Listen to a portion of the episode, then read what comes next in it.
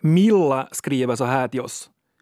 Grunderna i svenska lärde jag mig förstås i skolan. Det som har fördjupat mina kunskaper i svenska är det att jag har följt Svenska Yle och andra svenskspråkiga medier, läst artiklar och böcker på svenska. Jag har bara älskat det här språket ända sedan jag var tonåring och vill lära mig mera hela tiden. Jag vet inte varför. Jag måste här tacka för Svenska Yles audiomaterial på arenan. Veckans höjdpunkter för mig är Sällskapet, Norna Frans, Föräldrasnack, Fatta grejen och näst sista ordet.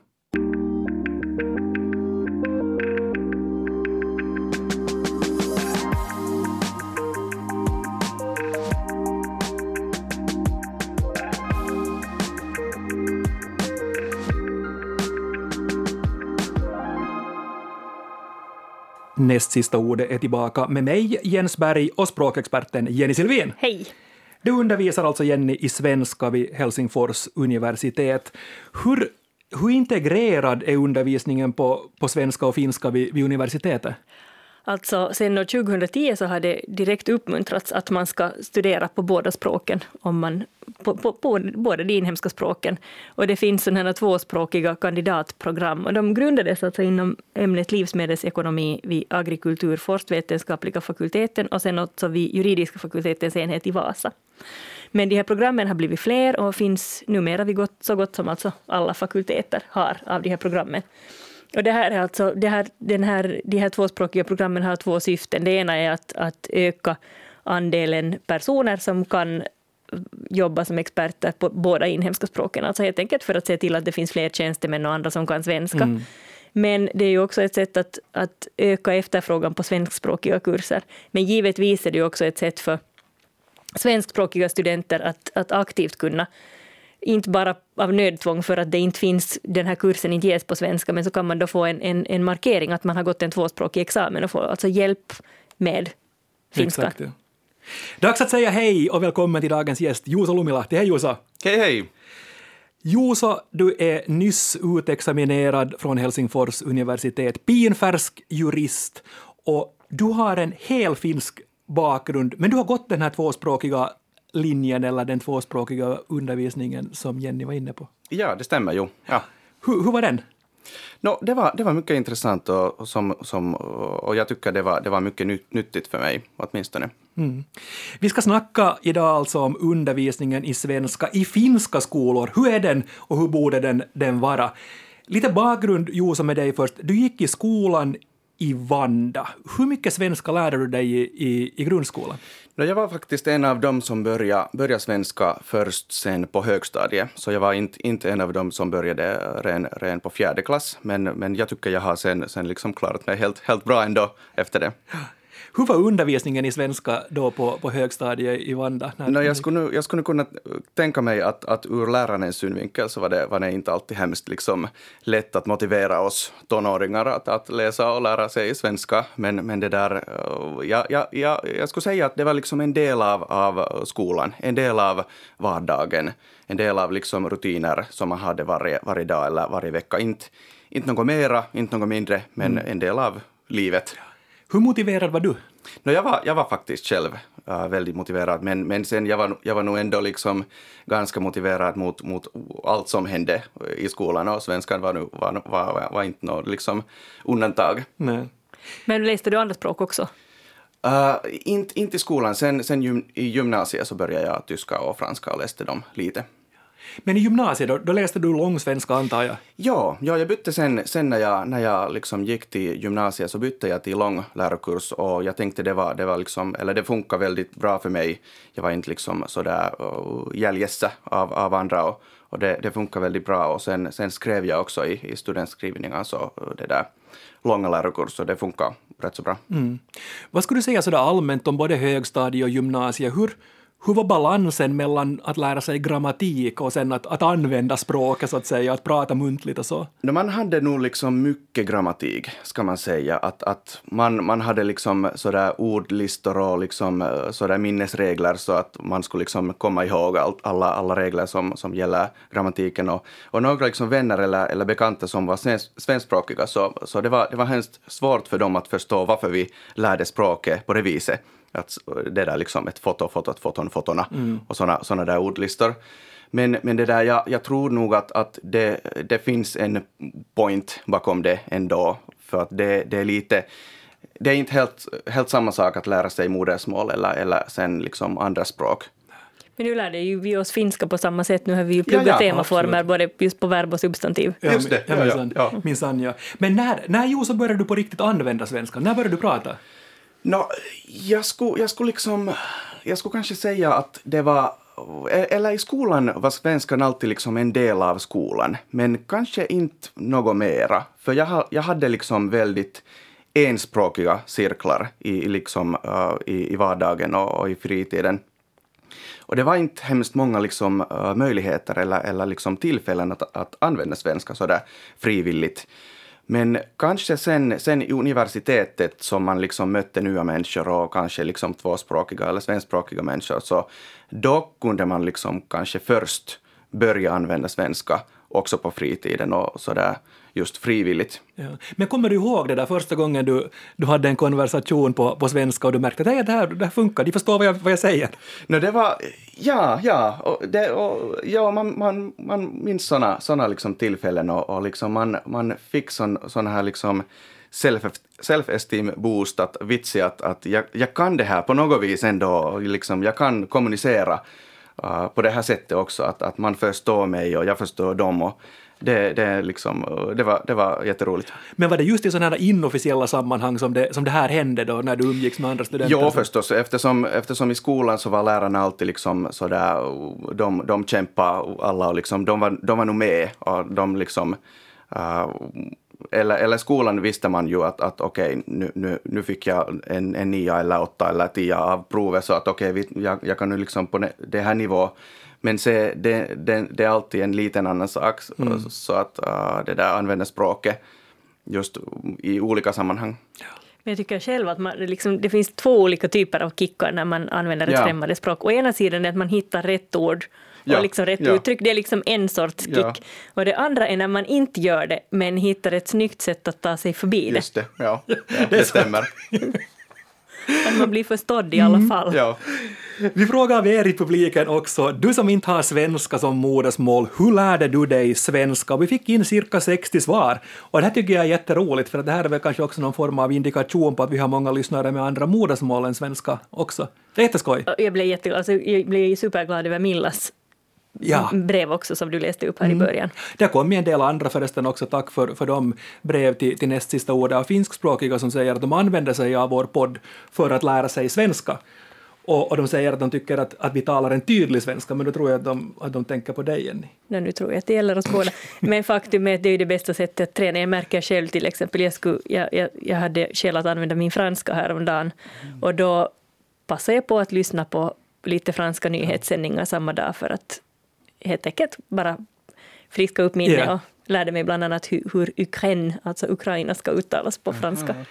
Just det här med media så har kommit fram i, i många av svaren. Timo skriver, under gymnasietiden prenumererade jag på Hufvudstadsbladet och läste den dagligen samt titta och lyssna på TV-nytt. Ett bra sätt att lära sig dagsaktuella saker i samhället och hela världen över. Diana skriver att hon har lärt sig svenska genom Melodifestivalen. Nåja, Det är det härligt. är ju lite roligt också för man lär ju sig den vokabulär som, är, som finns, men det är klart att man lär sig ju annat än, än vet du, uh, vad, vadå, jag vet inte vilka som är Melodifestivalen terminologi, men man lär ju sig alltså mycket idiomatiska uttryck också. ja. Men hur var det med dig Juuso, eller hur är det med dig i, idag med, med medier på, på svenska? Hur, hur, hur viktigt är det för dig, eller hur viktigt var det för dig när, när du lärde dig svenska? No, det var nog, och, och det är fortfarande, och, och det, var, det var liksom, eller det är roligt, um, på, på något sätt efter att ha liksom lärt något språk så, så ändras det, det att, att från ett måste till ett liksom möjlighet att, att liksom också läsa eller lyssna, lyssna på något så att man behöver inte längre lyssna på, på svenskspråkig musik eller, eller poddar eller, eller man behöver inte läsa nyhetsartiklar utan, utan man kan göra det. Exakt. Och det, det är hemskt roligt. Sen är det också många som har skrivit in här att det har varit en enskild lärare i skolan som eh, har, varit, har, varit, har spelat en avgörande roll för att hen ska, ska lära, sig, lära sig svenska. Arja skriver här, min lärare Marketta Haapasolo, hon var bäst och det här var i mellanskolan i Pulkkila. Och Ayla skriver, mina kloka föräldrar anmälde mig till den svenska skolan i Pyttis kyrkby när jag var sex år. Efter tredje klassen, när vi flyttade, satt jag med klassens bästa betyg enligt lärarinnan, fortsatte i svensk skola och tog min examen i Hanken. Det kan alltså räcka här enligt många med en lärare som lyckas motivera eleverna. Var det någon lärare för dig, Josa, som, som spelade en sån här roll? No, jag, jag måste erkänna, jag hade nog liksom eh, mycket, mycket bra lärare både, både på högstadiet och sen, sen gymnasiet. Så att jag, jag kan nog liksom förstå den här tanken att, att bara, bara en, en lärare också kan liksom man, man kan minnas, minnas hen mm. en, en, en, en god tid och liksom det kan, det kan, ja, det kan hjälpa, hjälpa mycket. Ja, exakt. Alltså jag har haft goda finsklärare hela min skoltid. Jag minns dem med värme för att ja, ja. jag tyckte mm, ämnet var roligt och, och jag fick jättebra undervisning. Och rektorns roll, antar jag? Jo, alltså det här är intressant för, för jag har alltså kollegor på, på Uni, som har, alltså på nordiska språk, som har undersökt vad det är som gör att vissa skolor i Finland kan prestera helt fantastiskt väl i mm. studentexamen. Mm. Och då är det alltså inte toppskolor utan det är liksom alldeles vanliga skolor och sen plötsligt är de jättebra på svenska. Och det visar sig att det finns en avgörande faktor, alltså en faktor som avgör mycket mer än man skulle tro och det är rektorns inställning. Alltså om rektorn tycker svenskan är viktig på något sätt äh, talar om det, att, att svenska är ett viktigt mm. språk, vi är en del av Norden, man ska kunna svenska, men också se till att lärarna får fortbilda sig, får skapa levande ja, kontakter till Sverige till exempel, signalera till föräldrarna i vår skola är vi stolta över våra studentbetyg i, i svenska och det gör att liksom ämnet får en hög status, vilket inverkar på eleverna. Ja. För de får sen både hemifrån och från skolan liksom signalen mm. att det här är viktigt, det här ska man kunna. Låter logiskt. Språkbad och lek är det många som har skrivit in här och också om Taru. Jag lärde mig svenska när jag var typ 56 år av min nya granne Lena. Hon kunde inte svenska och, hon kunde, och äh, jag kunde inte svenska och hon kunde inte finska men tydligen lärde jag mig snabbare svenska än vad hon lärde sig finska. Så det blev svenska. Ja, no, det är ju så jag lärde mig finska, alltså som treåring på gården. Grannflickan och sen, alltså förlåt, i den vägen lärde jag mig finska, jag tror jag sa svenska. Ja. Men, men så att jag kunde ju finska när jag började skolan, när jag började läsa det i skolan, vilket är förstås också ett mm. motiverande faktor när man, när man börjar på topp så att säga. Otso skrev här också kort och gott, jag gick skolan i språkbad. Sen en kommentar äh, där äh, som jag vill höra, höra er båda vad ni, vad ni säger om den. Seija har skrivit, jag flyttade som finsktalande nioåring till Sverige, lärde mig svenska i svensktalande skolmiljö där jag var den enda finsktalande eleven. Och här kommer poängen, hemma höll vi hårt i vårt modersmål som är en stark grund vid inlärning av andra språk, alltså viktigt att ha, ska vi säga det, det, det ena språket jättestarkt. Vad säger du Josef om det? No, det, det låter så att, att det stämmer att, att jag, liksom, jag gillar också liksom språk och mitt modersmål också, att, att det är liksom nära till hjärtat mycket, mycket och, och det där. Men, men jag tror nog att, att det liksom hjälper med andra språk också. Mm. Ja. Alltså jag tror det ligger jättemycket sanning i det som Seija säger. Alltså mm. Det är också därför det är så superviktigt med hemspråksundervisning, alltså att, att barn med andra ja. modersmål än skolspråket ska få stöd att utveckla alla sina språk. Mm. För att Alltså det är helt självklart att, att det egna språket, att, att man får till exempel lära sig somaliska om man har somaliska som hemspråk. Att det, det, är helt självklart att det ska få vara ett självändamål, att man ska få lära sig för att det är en viktig del av identiteten. Men vi vet också att, att barn som har ett annat hemspråk än skolspråket blir bättre på skolspråket om de får mhm. utveckla också det här hemspråket. Vi ska göra en häftig sak nu, vet ni. Vi ska ringa till Sotkamo i Kajanaland nära Kajana och i gymnasiet där i Sotkamo så är det just nu en boom att läsa svenska. Hur har man där, alltså någonstans då i finskaste Finland, lyckats med det här att få ett uppsving i att läsa svenska? Vi ska ringa upp lektorn i svenska där, Paulina Järvelä heter hon.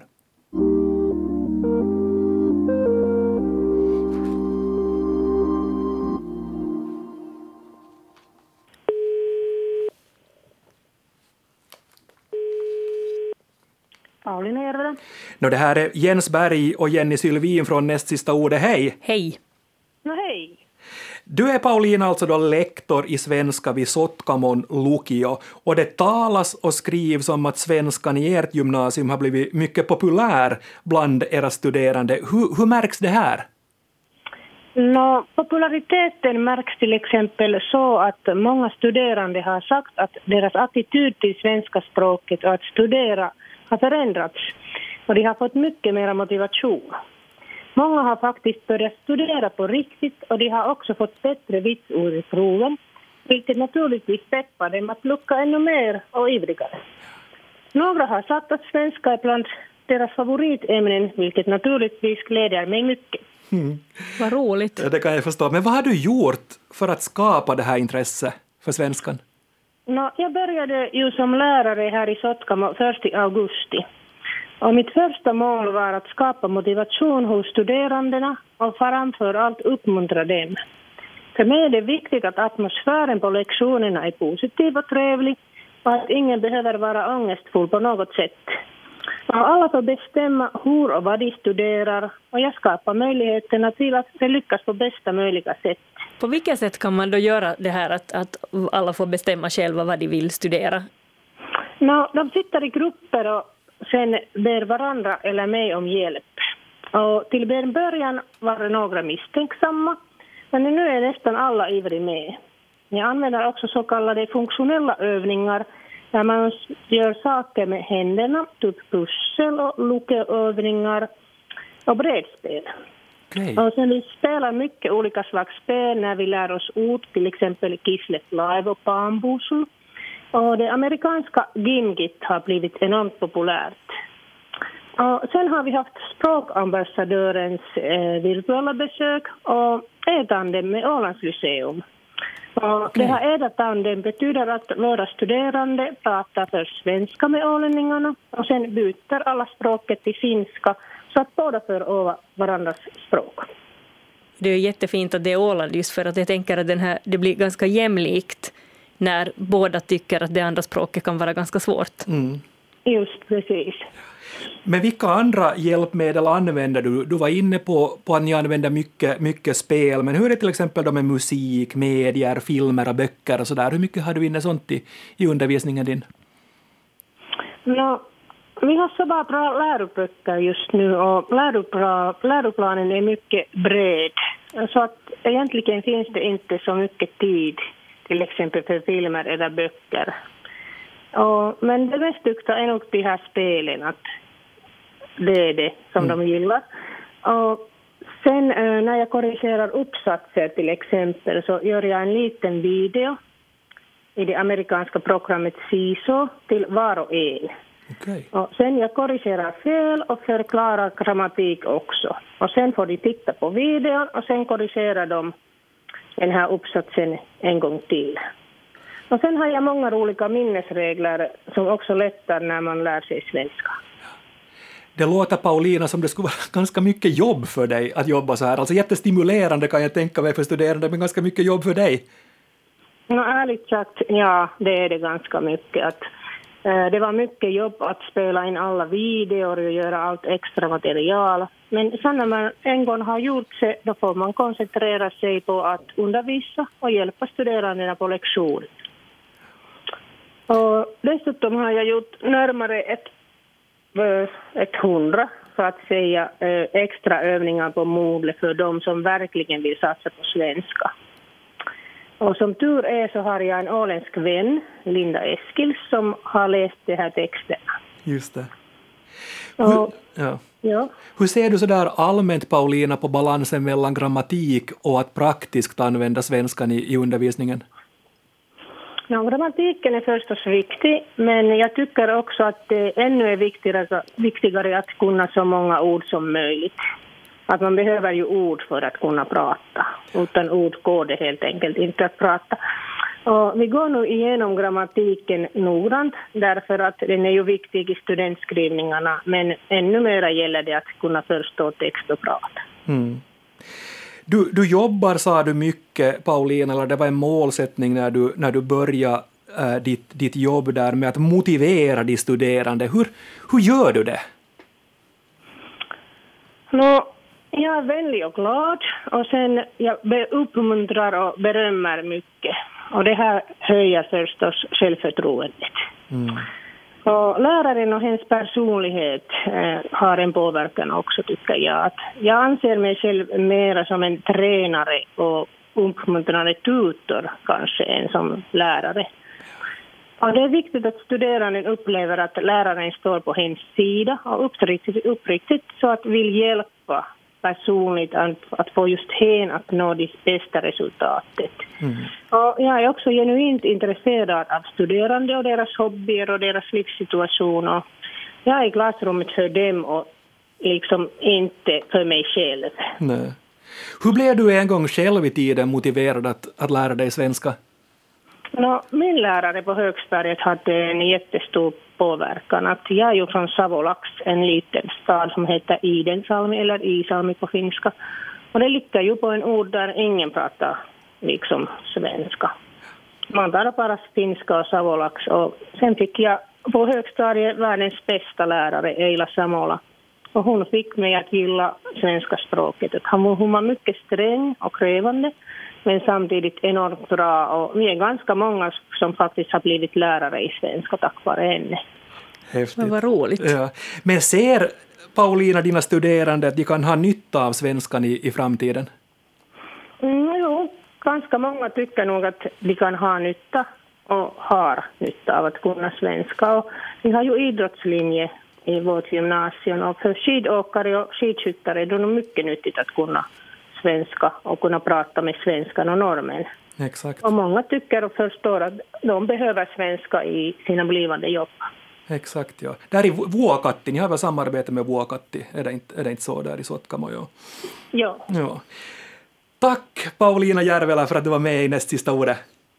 No, tack, det var trevligt att få vara med. Ja, det var jätteroligt att ha dig, ha dig med, tack. Tack. Ja, tack, hej då. Hej då. Vad, vad, säger du Juuso om eh, det man gör i, i Sotkamo Lukio? No, det låter alltså alldeles utmärkt. Ja. Väldigt häftigt, ja. Det skulle vara roligt att vara med också där, liksom själv. Ja, jag är ju superimponerad just av de här många, många olika typer av uppgifter. Det är ju helt, ja. Man vet ju att, att just här flerformsundervisning mm. är bra därför att mm. folk lär sig på olika mm. sätt. Mm. Men man, eller jag förstår nog det, det också att, att man har inte, inte mycket tid för, för det som, som lärare.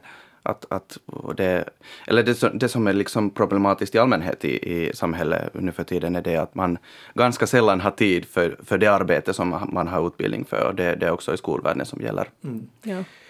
Jo, så nu får du vara undervisningsminister Jaha. i landet en, en liten stund och bestämma. Hur skulle man göra svenskan ännu mer attraktiv i, i finska skolor?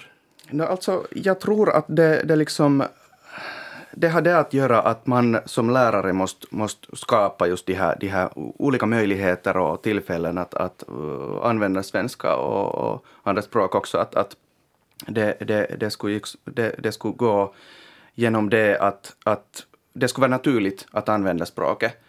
Kanske inte hemskt mycket um, uh, befästning på det att, att man just lär, lär sig grammatik, utan just ord som, som Pauline Paulina Järvel just, just sa också, att, att man, man kan kommunicera på det språket. Det behöver inte, inte vara perfekt. Och alla vet ju att, att det, det inte går perfekt. Men det där att det skulle vara naturligt att kommunicera, det tycker jag det är det, det viktigaste. Det är intressant också med den här nivåskalan på, för liksom språkkunskaper. Mm. Att den här självständiga liksom högsta nivån, först C1 och sen C2, så inte ens där står det att det ska vara perfekt. Ja. För att det är fortfarande ja. inte, ett främmande språk ska inte behöva vara ditt modersmål. Mm. Men att du ska kunna, liksom, det ska vara det kommunikativa flytet mm. och, och det här att du, du, du kan göra dig förstådd ja. i mm. tal och skrift. Men vad säger du Jenny om kontakten mellan finska och svenska elever i skolan? Sådär, vi talar om samlokaliserade skolor eller vi talar om språkbad eller om tvåspråkiga skolor liksom det klustret. Språkbad är ju utmärkt, alltså det, är, det är ju jättebra att, att folk, intresserade, engagerade familjer får välja den här möjligheten åt sina barn. Sen är jag mer skeptisk till de här tvåspråkiga lösningarna. Jag tänker på just den här taxellska paradoxen, alltså för att en, en, en, en, en satsning ska ge att enspråkiga satsningar ger tvåspråkiga resultat, medan tvåspråkiga satsningar ofta leder till enspråkiga resultat. Och det här tror jag det ligger ganska mycket i. För att det finns, folk har en lite romantisk uppfattning om att bara folk möts så kommer båda sidorna att lära sig båda språken. Men det krävs lite mer än så, därför mm. att om det ena språket är dominerande så kommer det att fortsätta dominera därför att människan är lat av naturen, man vill kommunicera där, där liksom staketet är lägst. Så att till exempel om man lever i en miljö med en stark finskspråkig, finskspråkig dominans och det till exempel hörs och syns väldigt lite svenska i hemmen och utanför skolan så kommer alltså det starkare och mer synliga språket att få utvecklas på bekostnad av det mindre synliga. Så det kommer att leda till att svenskspråkiga barn blir jättebra på finska, men de finskspråkiga barnen blir inte nödvändigtvis så bra på svenska. Och sen tror jag också att tvåspråkiga barn kanske inte får den svenska de skulle få igen enspråkig miljö. Mm. Och det kräver ju det där också Fritiof Sahlström, som är dekan vid pedagogiska fakulteten vid Åbo Akademi har sagt att, att, att det, det, när han talar om, om tvåspråkiga skolor så är det liksom tvåvägs språkbad som går ut på att du ungefär får hälften av undervisningen på finska och ungefär hälften på svenska. Svenska skolan är också balanserad, det vill säga att det finns ungefär lika, eller själva skolan är också balanserad, det vill säga att det finns ungefär lika många svensk och finskspråkiga elever för att det här ska lyckas, säger han. Och det här är du inne på, Jenny, att då kräver det det. Ja, och sen tror jag också till exempel att vill man på riktigt, jag menar det är viktigt att stärka skolspråket, eller då i så fall skolspråken. Och jag vet till exempel att, att om man, om man har alltså en tvåspråkig familj och där det dominerande språket lätt blir finska, därför att det är i allmänhet det som båda parterna kan, men mm. den andra föräldern kan nödvändigtvis inte alltid så jättebra mm. svenska, oftast Nej. talar jag nu om. Men det, då kan det krävas så här, om, om man talar finska tillsammans och sen svenska med den ena föräldern, men, men det kan också behövas sånt som att man ser på film, man till exempel har olika kanaler inställda på svenska för att stärka språket, att man faktiskt aktivt väljer svenska där det går, vilket inte ens är särskilt lätt därför att det finns en massa streamingtjänster som inte ens nödvändigtvis ger svenska som alternativ Nej, till alla filmer. Mina, mina, mina ungas favoritfilm finns att se i Finland på engelska, finska, danska och norska, men inte på svenska. Just det. Du får, Jenny, riktigt, riktigt kort här när jag gav Juso han fick hatten av att vara undervisningsminister en stund. Du får riktigt kort också säga, vad skulle du göra? Alltså jag kan bara utgå ifrån mig själv som språkinlärare, alltså hur jag själv lär mig språk. Och, och alla de språk jag kan har jag framför allt lärt mig genom att behovet av att kommunicera med andra. Det uppstår ett behov, en möjlighet att kommunicera med andra. Och just det här, och då det funkar bäst om, om jag inte har något annat språk att tillgå än det språk jag ska lära mig. Så där tänker jag just det här med Sotkamo och Åland är en alldeles utmärkt lösning. Det är faktiskt ja. Och, och, um, och sen tänker jag nog alltså, grammatik och strukturer, de är givetvis viktiga att lära sig, men jag tror att det ibland kan vara bättre att ta det andra vägen. När man har en massa ord och uttryck så kan man sen börja dissekera, varför säger man så här då? Och sen får man lära sig grammatiken mm. bakom det. Ja. Så att man har liksom någon sorts praxis att hänga upp den här grammatiken ja. på. Ja. Istället för att börja med att man, man, först ska man kunna grammatik innan man får, så att säga, får till, tillstånd att börja prata. Klokt. Ni var lite inne på samma, samma sak där. Både, både du Juso och, och Jenny och sen, sen Paulina också. Jag tänkte att vi skulle ge sista ordet i den här diskussionen till Petri som har skrivit in till oss så här. Var väl rätt så nyfiken hur och vad människor runt omkring mig pratar om. Jag lyssnar mycket och sen i slutändan vågar jag själv börja prata. Det var inte så lätt men jag gjorde mig förstådd och det att medmänniskorna fattade mina meningar och mina tankar så gav mig trygghet att fortsätta med språket. Det är ganska klokt. Ja, och det där, det där skulle kunna vara liksom mina, mina tankar exakt. Kanske ja. du skrev, skrev in Jos här. Ja, just det. Som alias Petri. Ja. Som avslutning det bortglömda ordet, Jenny. Jag har grävt fram ordet hackapelit. Oj. För jag ville ha ett ord som har finsk koppling och det finns alltså absolut inget krigsförhärligande i mitt val av ord och, och jag tycker det är väldigt sorgligt att det, det, är lite aktuellt just nu. Men jag insåg samtidigt också att jag inte riktigt visste vilka hackapeliterna var. Men, eller jo, jag hade en vag uppfattning att det var liksom finska soldater, men mm. alltså det var det finska kavalleriet under 30-åriga kriget. Som ropade? Ja. Som ropade hacka päälle pohjanpojka och det är därifrån de har fått sitt namn. Men de har alltså sen fått rykte om sig att ha varit särskilt hjältemodiga och fruktade. Ja. Mm. ja. Intressant. Ganska intressant. Ja. Ja. Juuso Lumilahti, tusen miljoner tack för att du besökte oss idag. Tack ska ni ha. Det var jätteroligt att ha dig här och tack också för alla kommentarer. Ni kan gå in förresten också på svenska.yle.fi för att läsa mera om det här ämnet. Det finns en artikel som har publicerats där. Väckte det här ämnet tankar eller har du ämnen du tycker att vi kan behandla? Skriv det till oss på nastsistaordet yle.fi. Men nu för denna veckan säger Jenny och Jens morgens. morgens.